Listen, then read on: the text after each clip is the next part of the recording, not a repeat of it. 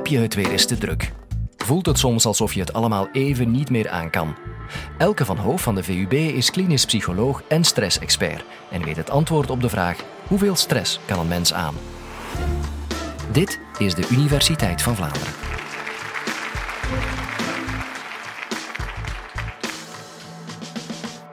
Het was voor mij altijd een evidentie dat ik geneeskunde ging gaan studeren en niet zomaar arts, maar chirurg.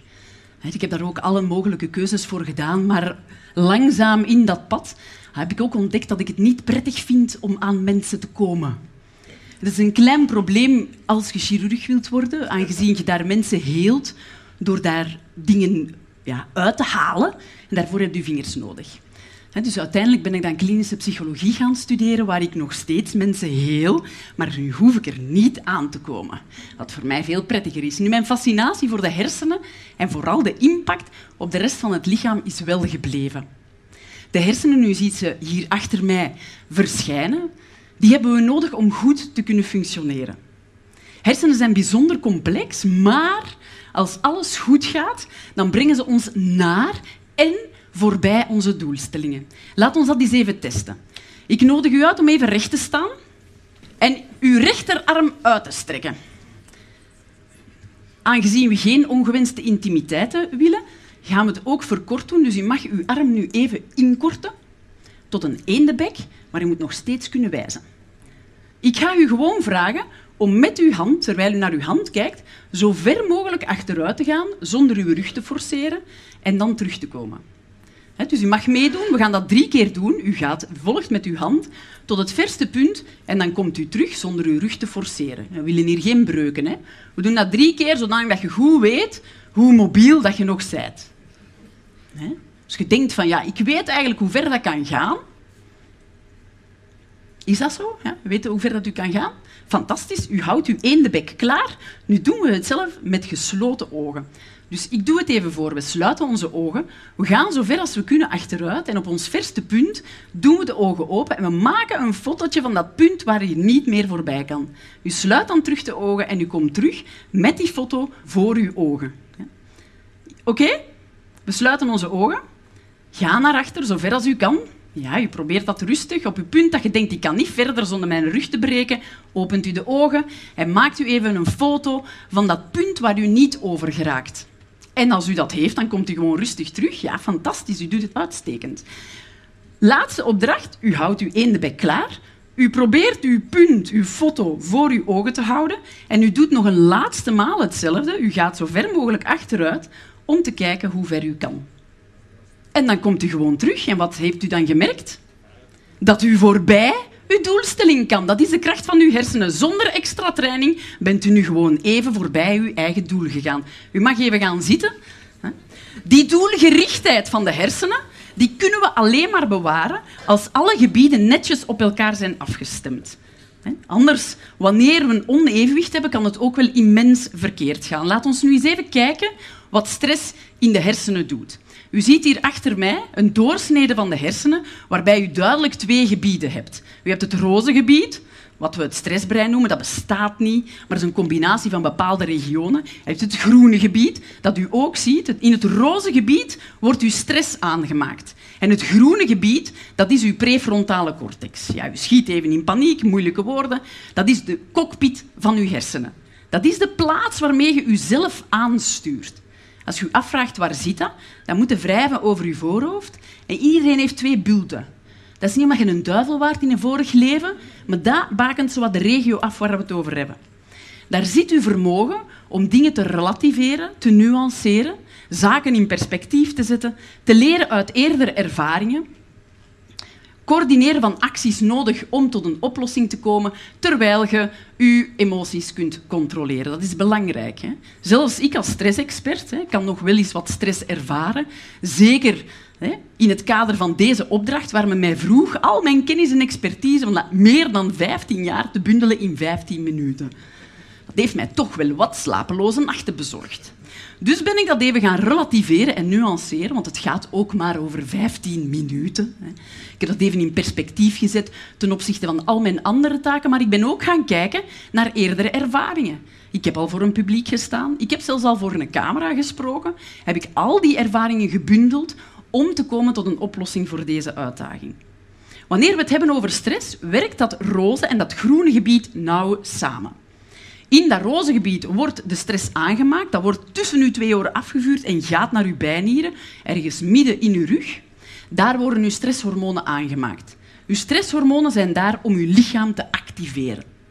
Denk terug aan de oertijd. In de oertijd ging de oerman op zoek naar vlees. Waar waren de vrouwen? In de grot de slaan te wassen. Maar de mannen op zoek naar vlees. Met hun velken en hun speer, hè, wandelend door de bosjes. Ineens hoorden ze, er ruist iets in het struikgewas, ping, oren omhoog en daar was de tijger. Ja.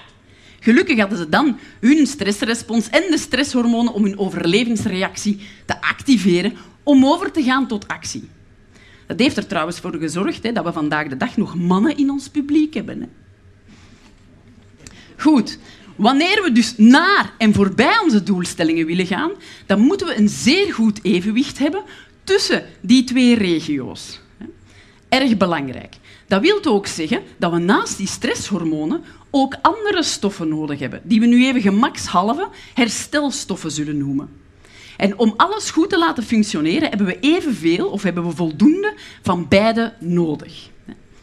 Een gezonde stressrespons die is kort, acuut, maar kort, en komt na zijn effect terug tot rust, tot de witte lijn, zoals u hier achter mij kunt zien. Het is tijdens die witte lijn een rustmoment dat eigenlijk de herstelstoffen hun ding kunnen doen en dat die herstelstoffen terug worden aangemaakt zodat u voldoende bezit voor de volgende stressrespons. Dan kan u mij ook volgen als ik zeg dat chronische stress eigenlijk de ene gezonde stressrespons is na de andere. In wezen is daar niks mis mee. Want dat is gemaakt om te lanceren tussen uw twee oren naar beneden. En wanneer die stressor verdwijnt, denk aan de oerman en de tijger, als de tijger terug verdwijnt, zet dat systeem zichzelf terug af. Dat is dus in theorie gemaakt om eindeloos door te gaan. Nu, wanneer we het u visueel anders tonen, ziet u ook de ene gezonde stressor na de andere, maar u ziet nu onmiddellijk waar het schoentje knelt. Waar is nu die witte lijn? Ja, die is verdwenen. En dus langzaam maar zeker heb je te weinig herstelstoffen om dat evenwicht te bewaren tussen die stresshormonen en die herstelhormonen. En langzaam maar zeker gaat die perfecte samenwerking verdwijnen totdat die helemaal wordt doorgeknipt. Uw roze en uw groene zone gaan niet meer samenwerken. En wat bent u dan? Dan bent u een kip zonder kop. En wat doet een kip zonder kop? Een beetje doelloos rondlopen zonder wezenlijk plan. Hè. Blij, tot poef, gedaan. Dat is wat u dan voor heeft. Hè. We zijn allemaal wel eens een kip zonder kop en normaal, met een beetje tijd, gaat dat over. Maar naarmate dat uw stress langer aanhoudt, gaat dat eigenlijk steeds moeilijker worden.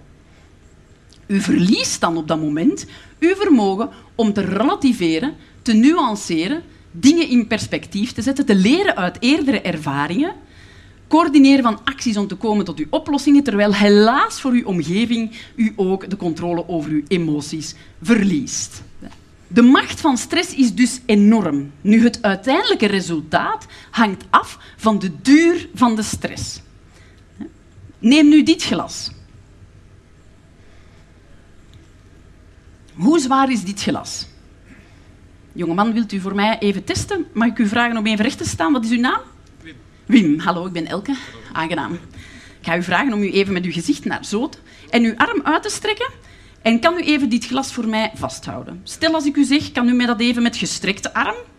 Mag een beetje moeite doen, hè? Met gestrekte arm en ik vraag u om dat een minuutje vast te houden. Zou dat lukken? Zonder probleem, hè? Zonder probleem. Dat zou moeten kunnen op uw leeftijd, hè? Maar stel dat ik u zeg, met gestrekte arm, kan u dit glas voor mij even een uur vasthouden? Moeilijk, want dat gaat u beginnen voelen, hè? dan gaan uw spieren toch hier en daar al wat protesteren. Maar stel als ik u zeg, kan u dit glas nu vasthouden voor de komende 24 uur, een hele dag? Dus zie ik uw motivatie een beetje zakken? Ja, ja, inderdaad. Hè. Want dan gaat uw arm gevoelloos worden en zelfs eigenlijk niet meer kunnen werken zoals het zou moeten werken. Hè. We zijn akkoord. Eigenlijk het gewicht van dat glas blijft in elke situatie hetzelfde. Het absolute gewicht maakt niet uit. Wat uitmaakt is hoe langer dat je dat glas vasthoudt, hoe zwaarder dat, dat wordt. Dat is zo. Hè? Een minuutje, geen probleem. Een uur, moeite. Maar als dat een dag is, dan raakt je verlamd en dan gaat uw arm eigenlijk de functie niet meer kunnen uitoefenen. Ik ga u nu verlossen, want ik zie dat u langzaam toch... Hè, dank u wel, Wim. Dank voor uw vrijwillige deelname aan mijn experiment. Maar bij stress is eigenlijk hetzelfde principe. Wanneer wij stress hebben en we hebben een stress voor een minuutje, is dat eigenlijk geen enkel probleem. Hebben we dat wat langer, dan gaan we wat lichamelijke klachten gaan ontwikkelen. Hebben we dat nog veel langer, dan geraken we zelfs verlamd en zijn we niet meer in staat om zelf onze eigen oplossingen te gaan vinden voor de uitdagingen waar wij voor staan. Dus als men aan mij vraagt hoeveel stress kan een mens hebben, dan is mijn antwoord daarop heel veel.